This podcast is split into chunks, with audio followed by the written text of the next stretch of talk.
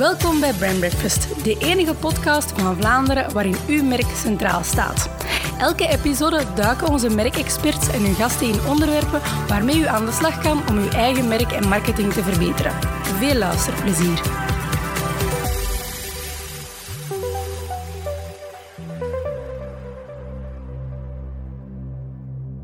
Zo, goedemorgen beste luisteraars. Uh, we zijn intussen toe aan onze tweede editie van de Brand Breakfast. Ik zit hier met mijn collega Stef Verbeek. Goedemorgen Stef. Goedemorgen. Hey, goedemorgen. Uh, ik ben zoals altijd Michael Verbeek en we gaan het vandaag opnieuw hebben over een aantal topics rond branding en communicatie. Nu, beste luisteraars, weten we zijn vandaag donderdagochtend om 10 uur. Het is hier denk ik iets van een 50 graden in de studio. Zo voelt het Zo voelt het toch wel aan, in, in ieder geval. Waanzinnig warm deze. Waanzinnig warm, waanzinnig warme zomer uh, is niet altijd optimaal voor de productiviteit. Maar goed, we hebben onze hersenen toch laten werken om opnieuw een opname te doen vandaag. Dus we gaan erin vliegen met een aantal topics. Ja, dat klopt. We hebben drie topics klaarstaan, net als de vorige keer. Uh, we gaan het onder andere hebben, Michael, over small data. Iedereen mm -hmm. kent big data, of daar gaan we toch vanuit. Uh, maar er is ook zoiets als small data. En dat vonden we wel heel erg interessant om een keer te bespreken in relatie met, met merken en marketing. We hebben het uiteraard, of uiteraard, uh, we gaan toelichten de fameuze test die we vorige keer hebben aangekondigd. Hè. Helemaal op het einde gaan we een keer kijken hoe het u vergaan is in de Spar van Wespelaar. Mm -hmm. Met het nieuwe systeem, met de Vlaamse Amazon Go. Hè. Zo spannend, werkt het, werkt het niet? En we gaan het hebben over merkambassadeurschap, brand. Ambassadorship. Ja. Dus voilà, een uh, volgepakte episode. Laat ons er maar ineens aan beginnen. Eerste topic van vandaag, Stef, small data. Um, er is wel wat te doen geweest over big data. Uh, de meeste luisteraars zullen waarschijnlijk het concept van big data wel kennen. Maar ik ga je toch nog even vragen, Stef. Kan je eens kort even toelichten wat big data is? Ja, uh, ja zonder onrespectvol te willen klinken. Je moet al bijna onder een rots geleefd hebben de afgelopen jaren om het niet te volgen. Hè. Maar dus big data. Ja, er kan geen uh, marketingcongres of geen blogpost passeren of je wordt ermee rond de oren geslagen. Big data is een manier om aan datavergaring te doen. Heel simpel gesteld komt het erop neer dat er systemen bestaan of tools bestaan om heel veel data tegelijk te gaan analyseren. Computergestuurd, dus daar komt vaak zelfs geen mens meer aan te pas. En het idee is als je heel erg veel data verzamelt, denk bijvoorbeeld aan een Facebook die ons klikgedrag ziet op hun platform, maar ook mm -hmm. daarbuiten trouwens, uh, of een Google, die kunnen uit bepaalde zoektermen of bepaalde kliks of bepaalde patronen in gedrag van bezoekers, kunnen zij dingen gaan afleiden. Supermarktketens kunnen dat ook op basis van wat je koopt en op je klantenkaart zet. En zo zijn ze in staat om met bepaalde algoritmen voorspellingen te maken, conclusies te trekken, bepaalde zaken. Uh, en marketing ook gerichter te maken? Uiteraard, ja, dat is wel de bedoeling natuurlijk, hè, gerichter. En dat het de conversie ook verhoogt, mm -hmm. omdat je inderdaad ja, dingen krijgt die catered zijn uh, naar uw wensen of uw noden. Ook al ken je die misschien niet zelf altijd. Want dat is, vind ik persoonlijk, altijd een beetje het, het rare kantje aan dingen als big data. Uh, er zijn cases bekend bijvoorbeeld van de, de teenage girl in de Verenigde Staten die post begon te krijgen die normaal gezien zwangere vrouwen krijgen van Target, de winkelketen. Dat is een heel bekende case. Um, de papa was daar heel boos om, het meisje zelf was er ook heel boos om. Maar wat bleek, ja, uit het koopgedrag van de jonge dame in kwestie uh, had het algoritme bij Target afgeleid dat ze zwanger was. En dus de ja. winkelketen wist het voor de vrouw in, uh, in, in kwestie. Straf. Uh, ja. ja. dus een, een, een casus van hoe big data misschien ook al wat te ver kan gaan af en toe. Maar bon, het zit op zich wel knap in elkaar. Ja. ja, die discussie is natuurlijk al lang uh, lopende. Van in welke mate willen mensen ook zo gehyper-target worden om, mm. uh, om eigenlijk ja, uh, meer gericht aangesproken te worden. Dat is natuurlijk een kwestie van ja, ook een moreel vraagstuk dat zich daar speelt. Maar het heeft sowieso zijn voor- en zijn nadelen. Hè. Ik denk dat je er als consument weinig op tegen kan hebben. Allee, of ik toch, zal voor mezelf spreken, weinig op tegen kan hebben dat de, advertentie die, de advertenties en de, de boodschappen die je sowieso krijgt, dat die dan bij voorkeur ook een beetje relevant zijn. Het heeft heeft weinig zin mij als man tamponreclames voor te schotelen of ja. mij daar promobonnetjes voor te bezorgen. En dan liefst van dingen die ik leuk en interessant vind. Uh, natuurlijk, ja, in heel het privacy-vraagstuk, dat is weer een ander ja. verhaal. Hè, dat, we vandaag niet, niet dieper op ingaan. dus big data heeft zeker vast zijn merite, maar heeft ook zijn problemen. Hè, en dat is, dat is eigenlijk heel de reden waarom we het vandaag bespreken. Het probleem is misschien een, een, een groot woord, maar ja, er zijn wel wat issues mee. Gartner bijvoorbeeld, een groot consultancybedrijf, have heeft daar een onderzoek naar gedaan in 2017 en blijkt dat tussen de 65 en de 85 procent van big data projecten en systemen dat die falen. En dat heeft te maken met van alles en nog wat, hè, want big data is heel goed in het vergaren van data en daar bepaalde conclusies uittrekken, maar daarom zijn die niet relevant. Hè. Eh, ze geven zelf het voorbeeld van in een bepaald jaar wordt er 14 procent meer komkommers verkocht in de supermarkten en we zien dat er 14 procent minder dodelijke ongevallen zijn op de weg. Big data zou kunnen zeggen, als het slecht in elkaar zit, van er is een kausaal verband tussen de beide. Wat dus ja, in het kader van komkommers en ongevallen op de weg het zou wel heel straf zijn als er daar een verband is. Bovendien, ja, gemiddelden zijn ook maar wat ze zijn. Ik zal nooit de uitspraak vergeten van Polle de Maagd een paar jaar terug. En die zei van gemiddeld, een gemiddelde mens heeft uh, één penis en twee borsten. Hè. Wat natuurlijk ook alweer klopt. Hè. Uh, dus ja, je kan daar wel wat kanttekening bij maken en die data is niet altijd even betrouwbaar. Big data is goed in het ontdekken van bepaalde verbanden of het detecteren daarvan, maar big data is tegelijkertijd heel erg slecht in het voorspellen welke verbanden er eigenlijk echt nuttig zijn voor een, een merk of voor marketing. Ja, ik kom misschien naadloos inderdaad aan het topic van small data. Hè, voor alle duidelijkheid, uh, je hebt daar een boek over gelezen, Stef, uh, van Martin Lindstrom. Mm -hmm. is een redelijk bekende auteur die wel wat boeken schrijft over client experience en over branding onder meer. Zeer goede boeken trouwens. Onder meer het ja. boek Biology, wat ik u ook hartelijk kan aanbevelen als luisteraar. Biology, Brand Washed, Brand Sense ja. zijn, zijn enkele van zijn bestsellers. En dus de laatste op de lijst is dus Small Data. Mm -hmm. En de mhm. subtitel, en ik heb het boek hier bij mij liggen, Michael, is The Tiny Clues That Uncover Huge Trends. Ja, vertel eens, wat, uh, wat heb je daaruit geleerd? Wel, de premisse van het boek is eigenlijk... Uh, de setup is een beetje wat ik daarnet zeg, van hij erkent dat big data een ding is, waar we niet omheen kunnen als merken. Maar hij zegt ook, van, ja, er zijn wel wat gebreken aan. Hè. En uh, hij zegt, ja, op zich kan je uit big data alleen niet altijd afleiden wat relevant is voor een merk. En je moet dus ook naar small data kijken, de hele andere kant van het spectrum, het emotionele aspect. Mm -hmm. het boek zelf staat vol met cases die gebaseerd zijn op wat hij uh, huisbezoekenachtig noemt. Hij heeft er, heeft er een, een, naam voor, ik heb het hier opgeschreven zelfs, uh, want ik vond het wel, wel, wel strak. Uh, small data vergaren hè, geeft, geeft, zicht op, op emotionele DNA van consumentenbeslissingen en beslissingen in, in, in het leven van een mens. Mm -hmm.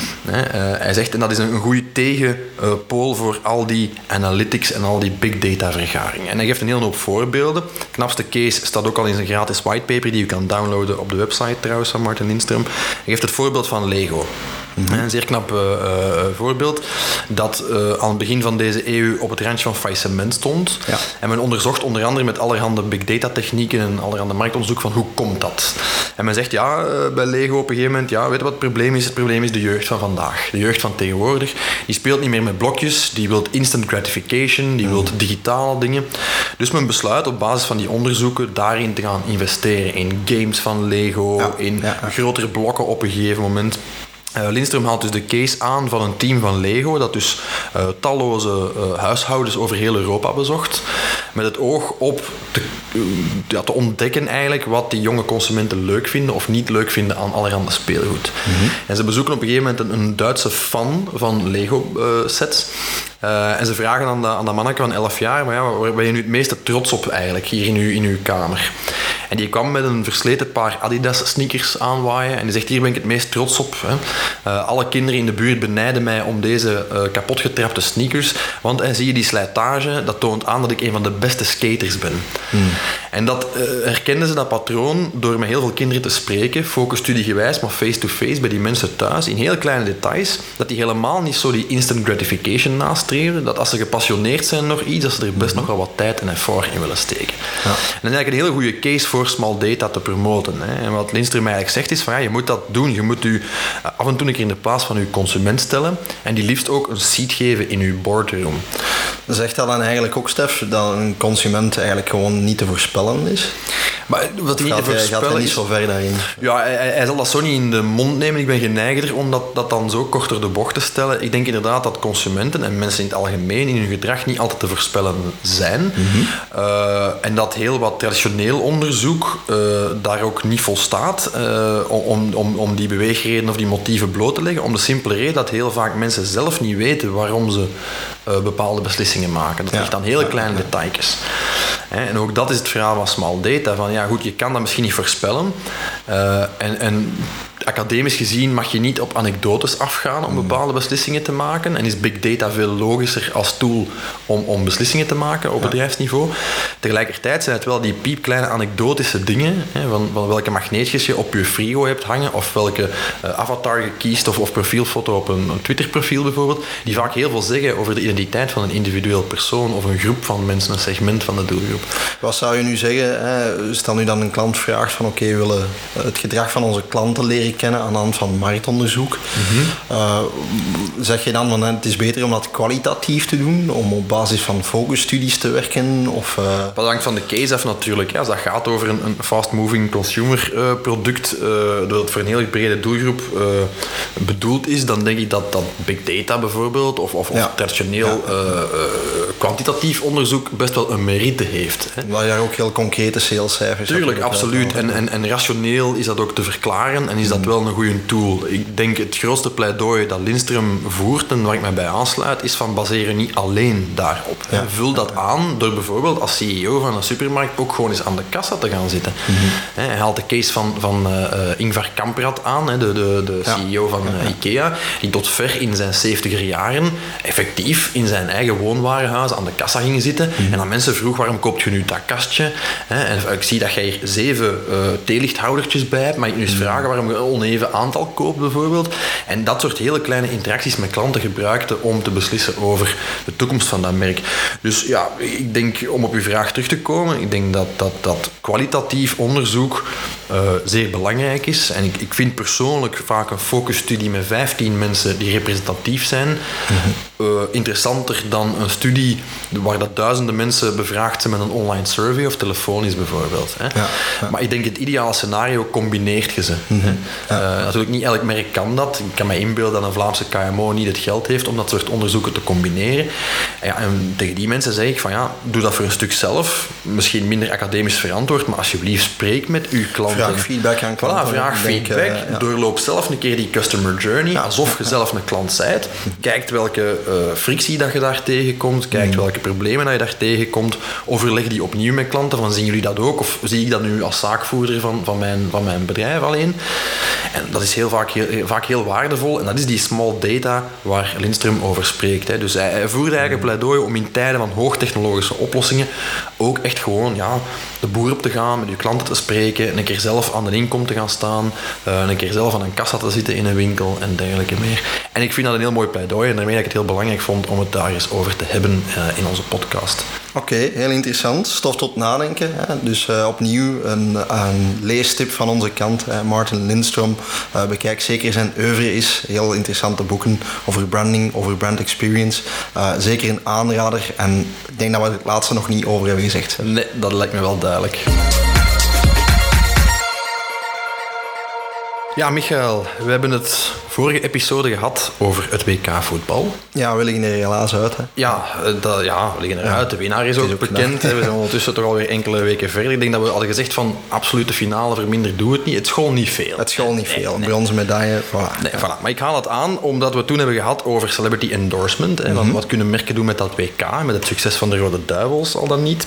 Uh, ja, dat is een heel goede manier van natuurlijk in de kijker te lopen en uw kaartje te hangen aan, aan een celebrity. Ja. Celebrity endorsement, we weten allemaal dat dat werkt. Wij als consument laten ons er allemaal door wat door leiden. Maar eigenlijk is de vraag waarom maken we het ons zo moeilijk? Want eigenlijk de beste ambassadeurs voor uw merk zijn niet de Rode Duivels, maar zijn eigenlijk gewoon uw eigen klanten. Ja, Men ja, zegt het, een oude volkswijsheid luidt al decennia lang dat uh, ja, mond-aan-mond reclame de beste reclame is. En ik vroeg mij af, en in het kader van dit topic lijkt me dat relevant te zijn om dan een keer op tafel te gooien, hoe komt dat eigenlijk? Hoe komt dat zo goed werkt? Waarom is merkambassadeurschap door uw eigen klanten zo krachtig?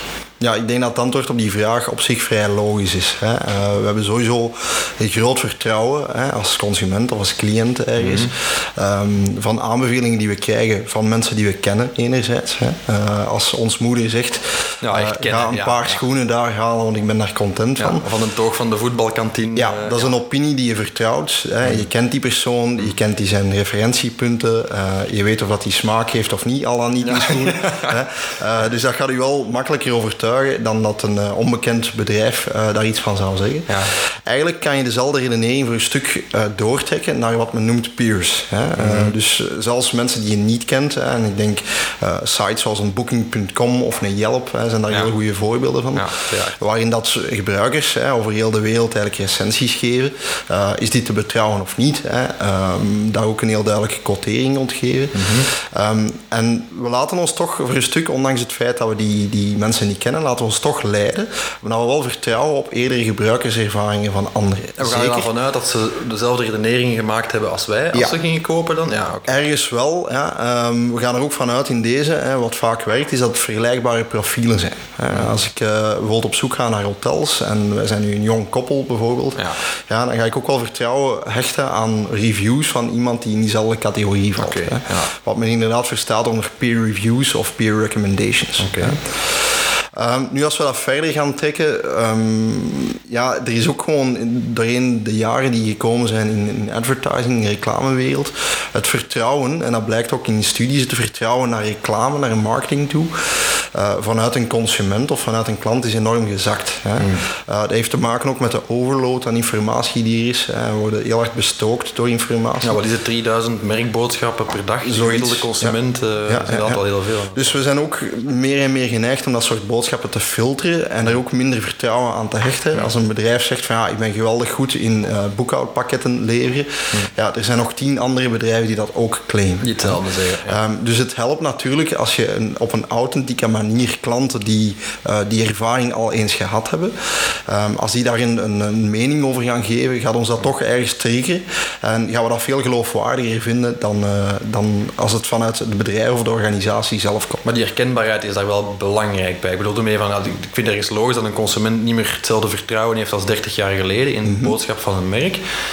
Maar je moet het toch wel herkennen in die andere partij. Dan moet ergens toch wel iets hebben. Inderdaad, zoals gezegd, van het is een ander jong koppel.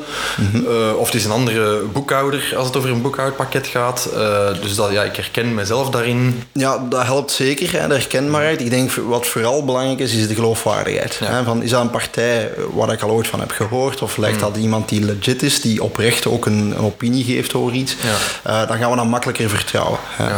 Ja. dus dat speelt zeker een rol, ook in, in het vertrouwen dat je dan zelf gaat hebben naar zo'n merk en de hamvraag is dan natuurlijk goed, oké, eh, wij als uh, Belgische bedrijven, Vlaamse bedrijven, whatever, van KMO tot grotere spelers, uh, hoe, hoe gebruik je dat in je voordeel? Hoe, hoe ga je daarmee om? Hoe begint je nu een systeem?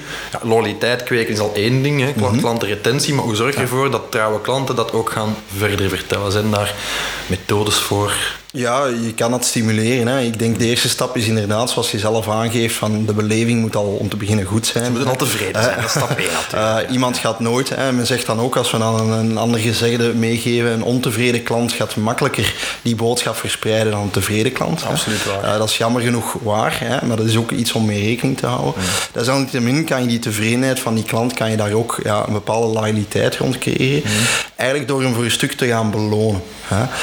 Um, er zijn incentive-programma's die daar rond gemaakt worden. Uh, er zijn ambassadeurscampagnes die daar rond worden opgezet. En wat is dat dan, zodat ik onderbreek, maar dat is dan bijvoorbeeld korting geven dan bij een volgende aankoop? Dat kan een korting zijn, ah, of dat kan loyaliteit uh, uh, belonen door bijvoorbeeld bepaalde scoops of bepaalde zaken hmm. die, die goede klanten eerst te horen krijgen. Of uitnodigingen voor evenementen. Uitnodigingen voor evenementen, uitnodigingen voor recepties. Hè. Eigenlijk een beetje het soigneren van een klant. Hè. Zoals je vroeger zou zeggen, oké, we gaan eens een pin pakken met iemand. Ja, eh, een bedrijf kan dat nu ook doen, die loyaliteit stimuleren, door hem eigenlijk kleine snippets van meerwaarde mee te geven. Ja.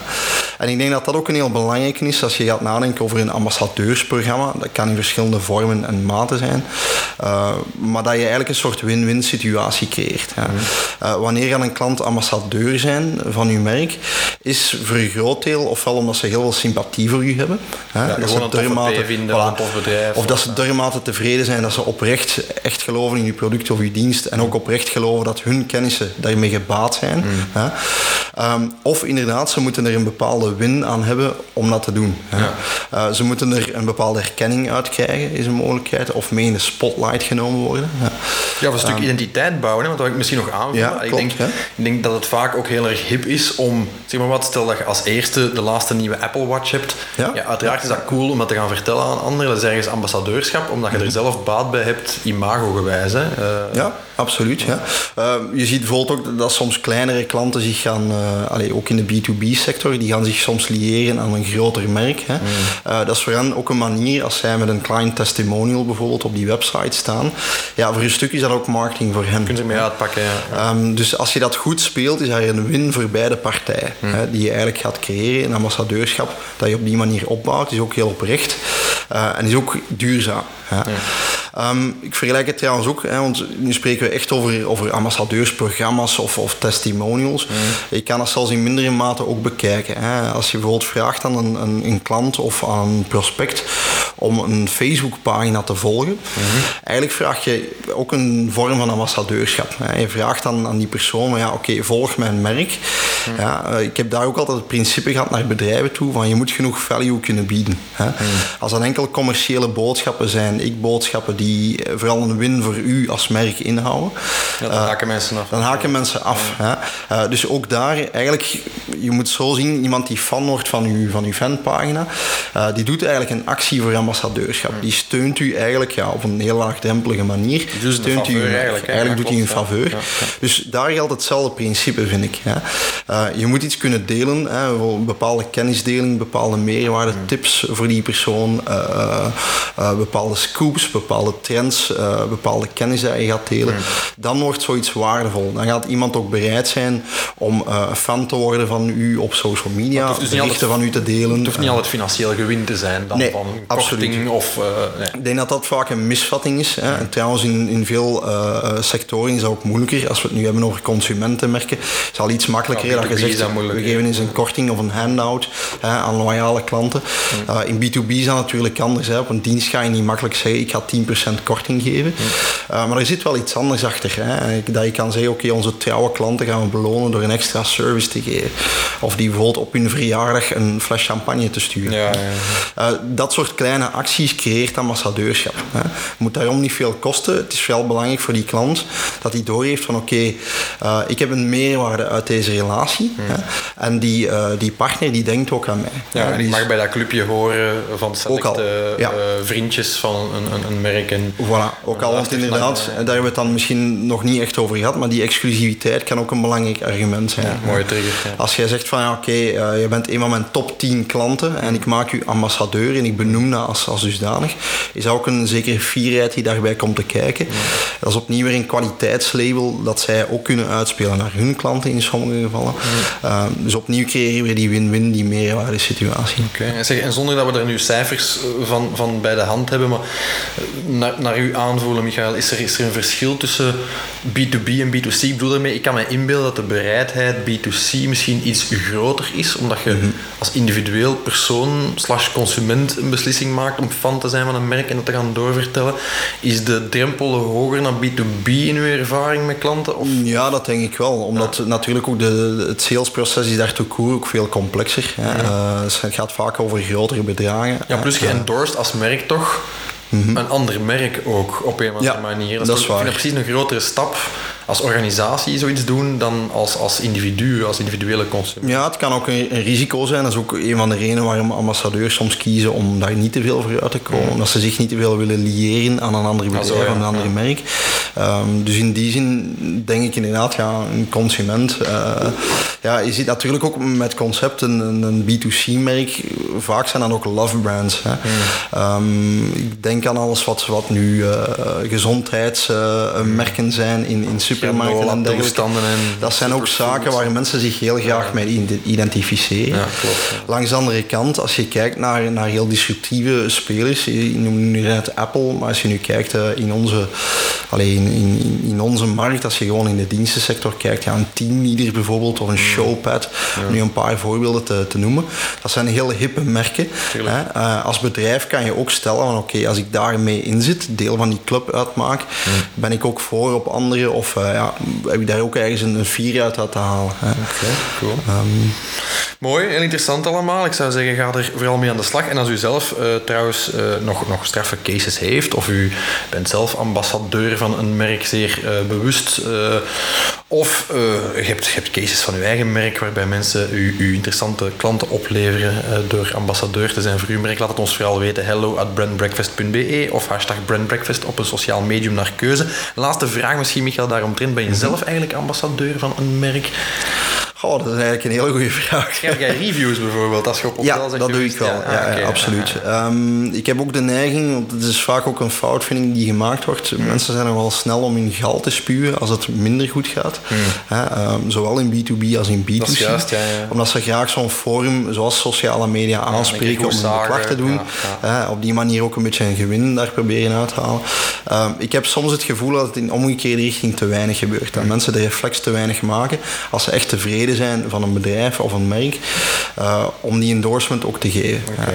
dus ik heb wel de neiging om dat te doen. Ik ben ook heel eerlijk in mijn, uh, in mijn feedback daarin. Dus, ja. Prachtige, uh, ik het zeggen, altruïstische oproep van Michael. Ja. Om vooral ook de, de goede ervaringen te delen met, met uw netwerk. Michael, vorige aflevering hebben we het er al even over gehad op het einde. Namelijk, het is zover de Vlaamse Amazon Go hè, werd met veel poeha aangekondigd in de pers. Voor zij die het niet gevolgd hebben of niet meer weten waarover we het hebben hier op dit moment, en dat is best mogelijk. Het gaat over een experiment van de Colruyt groep die besloten heeft in zes van zijn Spar-buurtwinkels mm te gaan experimenteren met kassaloos winkelen. Hè. De, uh, het concept ga je zo dadelijk toelichten, maar het kwam erop neer, we hebben vorige episode beloofd aan de mensen dat jij dat ging uittesten voor ons. En Mijn avontuur in de Spar in de Exact, want wat wil het toeval, beste luisteraar, dat Michael uh, om de hoek woont van een van die testsites, uh, die ook uh, op de nieuwsuitzendingen van onder andere de VTM en in de krant en zo uitvoerig werden uitgespeeld. En voilà, belofte maakt schuld. Dus Michael is dat gaan uittesten. En ik ben zeer mhm. benieuwd naar hoe dat verlopen is, Michael. Vertel eens. Oké, ik ga eens even nadenken waar ik best begin. Ja. Maar ik zal misschien gewoon het verhaal vertellen zoals ik het zelf heb ervaren. Ja. Uh, dus voor alle duidelijkheid, ik heb het twee keer getest. Okay. Ik dacht, ik ga het empirisch aanpakken. Eén keer is onvoldoende. Uh, dus ik heb het twee keer getest samen met mijn vrouw, die dus de uh, app geïnstalleerd heeft, waarmee je dan ook contactloos kan winkelen. Dus het is met een app? Ja, voor alle duidelijkheid. Dus effectief, je moet eigenlijk een app installeren op je smartphone. Uh het idee is dat je daar ook meteen je klantenkaart aan kan koppelen, wat ah, ook wel een added bonus is. dus uh, je hebt meteen ook uh, je korting en weet ik veel wat uh, dat ermee opstaat. en het idee is eigenlijk dat je gewoon door de winkel gaat, je producten inlaat in de kar. En dat je eigenlijk de producten die je neemt, dat je die gewoon scant, de barcode. Met je telefoon eigenlijk. Ja, met de telefoon, met een QR-reader of een barcode-reader die er uh, mee in zit. um, en dat je eigenlijk als volgt hè, met die volle kar gewoon naar de kassa rijdt, hè, uh, die speciaal daarvoor aangelegd is. Dat je daar een QR-code scant om te betalen. Uh, je winkelmandje in principe um, geeft dan het totaal weer. Dat kan je dan betalen en je kan gewoon naar buiten gaan. Zonder dat je dus eigenlijk een kassier moet passeren. Dat ik het helemaal goed begrijpen. Dus die, je, komt niet aan een kassa met een persoon, je komt aan een kassa met een scherm dan, neem ik aan. En dat genereert dan een QR-code om te betalen. Nee, zelfs dat niet. Er staat eigenlijk gewoon een, uh, ja, een soort groene paal eigenlijk, die je passeert, waar een QR-code op staat. Mm Dus op het einde van het winkelen, zoals je dat bij een webshop hebt, zeg je ja, ik wil betalen. Ja. Dan kan je een QR-code inscannen en kan je eigenlijk als volgt via uh, allerlei banking-apps uh, je betaling gaan Met je telefoon, dus het is niet met, met kaart of met cash of... nee. Ja, ja, dus gewoon rechtstreeks via een banking-app of via de bankcontact uh, app dat je dat kan doen. Oké, niet helemaal hetzelfde als Amazon Go, waar je dat allemaal niet meer moet doen, scannen En, en, en, betalen. Je wandelt daar gewoon buiten. Ja. Hè? Uh, maar ja, uh, ja ik heb het dus twee keer getest. hè. Um, laat ons zeggen de succesratio. Hè. Dus ik heb het twee keer getest. En mm helaas is het twee keer uh, niet zo uitgedraaid als dat ik gehoord okay. had. Hè. Dus de succesratio is helaas 0 op 2. Okay. Uh, nu bon, um, ik heb daar ook met mensen gesproken van de Spar zelf. Ja. Zij zeggen ook van ja, we zitten in beta-fase, in ja. testfase. Lag het aan u? het lag vreemd genoeg niet aan mij. Oké, okay, toch niet. um, dus ja, wat is er eigenlijk gebeurd? Er was iedere keer keer een probleem met de betaling. Ja. dus iedere keer het, het, het, winkelen zelf ging heel vlot. Mhm. van zodra we wilden betalen, liep de app vast. Hè. Mhm. waarop we dan van de medewerker te horen kregen van, ja, zit je bij ING? werk je met de ING Banking app? Ja, nee, nee, nee, we werken met KBC. Mhm. Ja, want we hebben inderdaad met een aantal van die, van die banking apps nog wat issues, issues, inderdaad connectiviteitsissues, okay. waardoor het soms misgaat. Hè. Dus helaas is het twee keer zo dat wij eigenlijk een medewerker hebben moeten roepen uh, voor de betaling te doen. Um, waar hij eigenlijk met zijn app um, ja, de, de, betaling zeg maar, heeft doorgestuurd naar een kassa. Waardoor we uiteindelijk dan toch via een band moesten passeren. En, uh, en outline ook? Dan, nee, nee, nee. Ah, dus hij kon dan wel het, het winkelmandje transfereren ja, naar de kassa. Okay, okay, en daar konden we dan de betaling via kaart doen. Ja. maar dus helaas is dat, is dat minder goed verlopen. Mm -hmm. nu, ik moet er wel bij zeggen, misschien als ik het nu, nu heel eerlijk uh, meegeef, misschien even de goede en minder goede punten van het systeem bespreken. Zoals het theoretisch zou moeten werken. Mhm. Ehm, ja, ten eerste moet ik zeggen, het gebruiksgemak van die app, daar was ik wel van verschoten. Ook de snelheid daarvan mm ging eigenlijk heel vlot. Hè. Ehm, het scannen, ja, ik had mij ingebeeld, soms heb je dat met QR-codes, dat je daar zoals een gek naar zit, uh, ja, te lezen. Ja, Naar zit te lezen, dat dat heel, uh, heel stroef gaat. Maar hier was het vaak zelfs in een fractie van een seconde dat er een product gelezen werd. Dus dat ging eigenlijk heel snel. Okay. het is wel zo, je bent natuurlijk niet gewend om dat op die manier aan te pakken. Uh, dus in het begin hebben we zo'n paar keer een product in elkaar gelegd dat we dachten, oei, we zijn vergeten om dat te scannen. Ja, ja. ja. dat is met die zelfscanningbakjes natuurlijk ook, hè, die al een paar jaar in omloop zijn. Daar inderdaad. moet je wel je hoofd bijhouden. Dus je moet er inderdaad iedere keer je smartphone uh, actief bijhouden. Hè. Die, moet, die app moet openstaan. Dat is ook wel een probleem als je low on battery zit, dan heb je een issue. maar goed, ja, op zich ging dat wel vrij vlot. Okay. Bijkomstig probleem in mijn geval was dan, gewoonlijk als wij met twee gaan shoppen, dan zit ik soms in de ene kant van de winkel en mijn vrouw in de andere kant van de winkel. Ik dacht dat jij in het karretje zat of zo. Ja. dat ging zeggen. Uh, dat is al even geleden.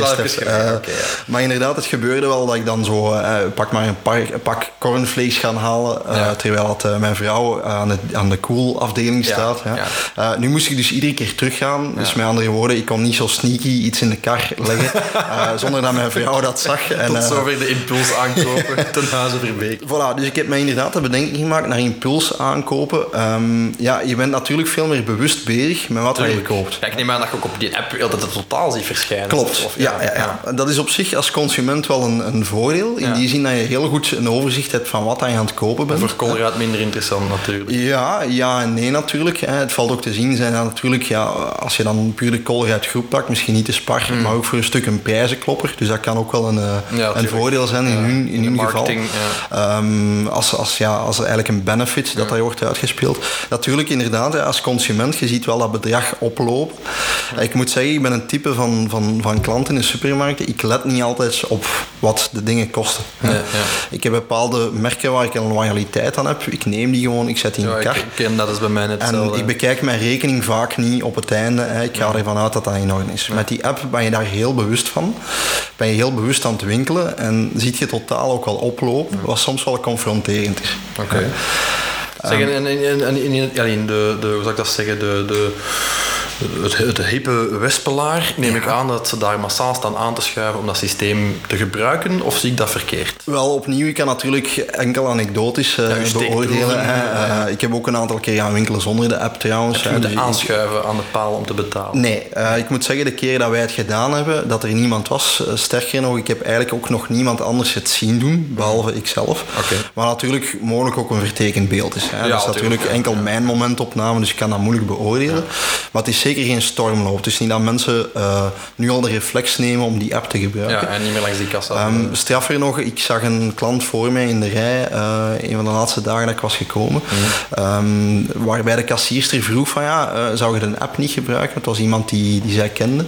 En hij zei van ja, ik, ik zal het volgende keer doen, ik moet een app nog installeren. Ja, ja dat is een extra um, drempel. Even, want dat, dat is inderdaad een beetje de drempel die ik misschien daar ook in wil bespreken. Het nadeel dat ik daar voor een stuk in zie als consument, is dat je eigenlijk wel het werk voor een stuk op u aan het nemen bent. Mhm. Mhm. Oké, je hebt meer de bewustzijn van wat je koopt, maar eigenlijk ben je het scannen hè, en ook het downloaden van de app, hè, het, uh, het continu openhouden van je gsm. Je moet het de hele tijd uh, in de hand houden. Dus dat is ergens ook ja, belemmerd misschien voor een stuk ook de, de koopervaring. moment. Winkelbeleving, ja. Ja. Uh, natuurlijk, dat is hoe dat ik het aanvoel. Hè. Ja, bijvoorbeeld die, die ik ben er nu, nog niet geweest in die Sparrenwinkel, Mhm. maar allee, ik, eh, ik neem aan dat allee, het concept van die Sparrenwinkels is dat het een buurtsupermarkt, Ja, buurtsuperret ja, is. in essentie wel. Ja, daar gaat het ook niet om, eh, om heel, uw, heel uw auto vol te laden, neem Nee. Dat is toch meer voor de dagelijkse inkopen, hè, of niet? Ja, ik moet zeggen, sowieso, ik heb nooit het gevoel dat je heel lang moet wachten. Dat is natuurlijk in een callroute wel heel anders. Hè. Vaak op de piekmoment in een callroute heb je echt mensen die met een heel volle kar of zelfs twee karren gaan aanschuiven. Denk ik dat de incentive mogelijk ook groter is om zo'n app te gebruiken. Omdat je dan inderdaad de line cut. Ehm, ik moet zeggen, de meeste keer als ik ga, zijn er twee of drie klanten voor mij. Ja. Dus die wachttijd is sowieso beperkt. Hè. Nu begrijp dat het experiment moet dienen om Voilà, hopelijk ooit op termijn overal te, te Ja. integreren. De vraag natuurlijk die wij ons in het kader van, van merkbeleving en marketing stellen, want dat is nog altijd deze podcast, dat gaat natuurlijk niet over winkelen als dusdanig, maar over, over de, de, de toepassing eh, in, in een brand experience. Ja. Is dat nu een added value? Ik vraag me altijd af bij dat soort dingen. Ik, ik juich dat allemaal toe. Ik ben Mhm. wat men noemt een early adopter. Ik ben geneigd om al die dingen uit te testen. De Deliveroo's en de. Ubers en dat soort dingen van deze wereld. Hoe meer ik met mijn telefoon kan doen, hoe minder ik moet meeslepen in mijn portefeuille en in mijn, in mijn Ja. rest. Ja, ja, Ehm, tegelijkertijd stel ik mij altijd wel de kritische vraag. Dat is misschien beroepsmisvorming als merkstratege, maar van, is dat nu een added value echt? Hè? Verbeter je nu die, die ervaring voor een klant echt op, op, op ja, hoe zou ik dat zeggen, serieuze en coherente wijze? Of is dat innovatie om de innovatie en een keer een, een experimentje om te laten zien aan de wereld dat je bezig bent met vooruitgang? Eh, hoe heb je dat ervaren als, als gebruiker? Is het echt een, een win? Allee, stel nu dat het echt allee, stel nu dat het gewerkt zoals het hoorde. ja, ja. Eh, had het uw winkelervaring dan vergemakkelijkt? Was je geneigder geweest om bij een volgende aankoop terug naar die winkel te gaan, omwille van het systeem bijvoorbeeld? Allee, Ja, ik denk eigenlijk van wel, maar ik Ja. ga mijn antwoord ook direct nuanceren. Het is natuurlijk ook een stuk een incubatieperiode. Ja. Eh, ik ben niet gewend om dat te doen, hè, zoals ik ook de juiste aangaf, want het is Ja, een andere soort van winkelen. Je moet er iets meer je hoofd bij houden. Mhm. Ehm, waardoor dat je sneller al terug gaat grijpen naar de manier waarop je vroeger winkelde. Eh, wil dat daarom zeggen dat het niet tractie kan vinden en op termijn wat meer ingeburgerd kan geraken? Ik denk van wel. En ik geloof wel dat dat meer en meer gaat gebeuren. Ja, vermoedelijk gaan wij aan onze kinderen over dit in 15 à 20 jaar zeggen van oh, vroeger in de supermarkt moest je met je karretje staan, in een rij staan, naar het plafond Mhm. Voilà. staren tot een, een kassierster op een, een, een rubberen band Mhm. al je dingetjes inskande. Eh, ja, Ja, nee, ik geloof zelfs dat soort technologie dat er voor een stuk ook de, de fricties of de frustraties die er aan het winkelen zijn, Ja, wel een stuk en kunnen wegnemen. Ja. Eh, ik geef nu het voorbeeld waar ik sowieso niet lang moet wachten, maar ik kan me voorstellen, inderdaad, op een drukke zaterdag in een Colruyt-winkel, Mhm, eh, waar het heel lang aanschuiven is, ja, dan is het echt wel fijn dat je kan zeggen, oké guys, wandel so binnen, long, ik, ja, eh. Ik, ik heb hier snel betaald en ik ga naar buiten. exact. Ik wandel binnen, ik pak wat ik nodig heb, ik zal het zelf wel scannen en ik ben ja, Voilà. even rap terug buiten. Wat je natuurlijk wel merkt in die technologieën, en dat is trouwens met Amazon Go ook zo, hè, daar zitten nog heel veel kinken in. Tuurlijk, er zijn nog heel veel zaken die moeten uitgestreken worden, eh, die nog niet 100% in orde zijn, waardoor dat die ervaring direct weer complexer wordt. Hè. Ehm, ik denk het feit, ja, als je gewoon puur de, de, de redenering volgt dat, het, ja, dat je gewend bent om zo'n app te gebruiken en het werkt 100%, dan win je daar wel effectief tijd mee. Eh, ik zal trouwens een onnozel voorbeeld geven ook. Hè. Het in- en uitladen is ook veel makkelijker. Hè. Eh, want dat heb ik misschien nog niet gezegd net bij de benefits. Hè. Ehm, als jij een, een doos meepakt en je steekt daar meteen al je producten in, Ja, ja, tuurlijk, je moet ze niet allemaal op de band zetten en ze terug erin terug zetten. inlaaien, dus het ja. is wel een reële tijdswinst. Ja. Hè. Ik geloof wel dat dat echt een, een voordeel is als consument. Zoiets. Oké. Mooi. Ja, ik zou zeggen, eh, kudos eh, van Colruyt dat ze het in elk geval uittesten. Zeker dat en vast, dat ze het proberen in hun, in hun sparwinkels.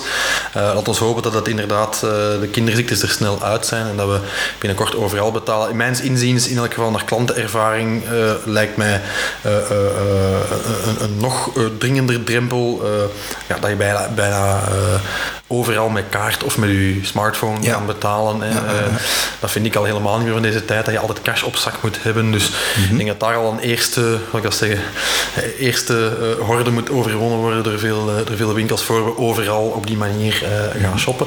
Maar in elk geval een interessante innovatie om in de gaten te houden. En misschien inspireert het ook uw merk om wat dat betreft iets te gaan doen met klantbeleving. Voilà, Stef, we zijn weer aan het einde gekomen van onze Brand Breakfast aflevering. Ja. Aflevering 2 intussen. Ehm, misschien meegeven aan onze luisteraars. Onze volgende episode gaat nogal een speciale episode zijn, Stef. Klopt helemaal. We hebben er eigenlijk al naar gehint in onze eerste aflevering.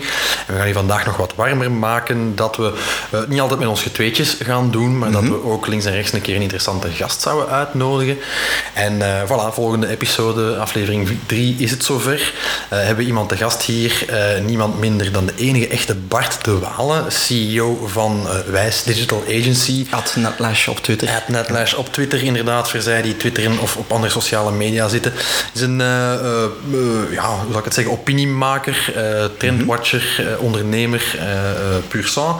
En iemand die natuurlijk ja, heel wat kan vertellen over digitale zaken, maar ook een heel brede visie heeft en uitgesproken opinies over alles wat marketing en branding is ook. En we zijn uiteraard heel benieuwd naar zijn visie daarover. Dus we gaan hem daarover aan de tand voelen in de volgende aflevering. Ja, dus zeker luisteren. Hè. Eh, vergeet u trouwens ook niet te abonneren via onze kanalen. Uh, we kunnen met veel vreugde aankondigen dat we tegenwoordig ook op iTunes actief zijn. Dus je kan u daar abonneren. Of via het gewone Soundcloud-kanaal, waar ook onze vorige episode op te vinden was. Uh, dus hopelijk uh, luister je volgende keer ook.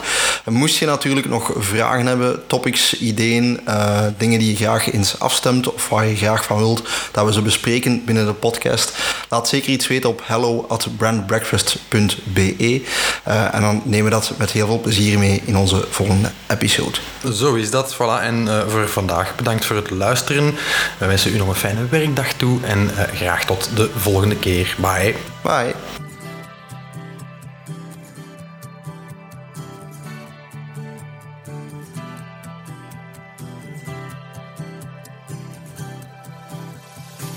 Dit was Brand Breakfast voor deze episode. Bedankt voor het luisteren.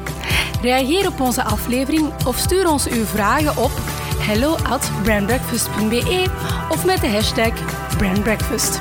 En wie weet gaan we in een volgende editie dieper in op uw branding uitdagingen. Tot een volgende keer.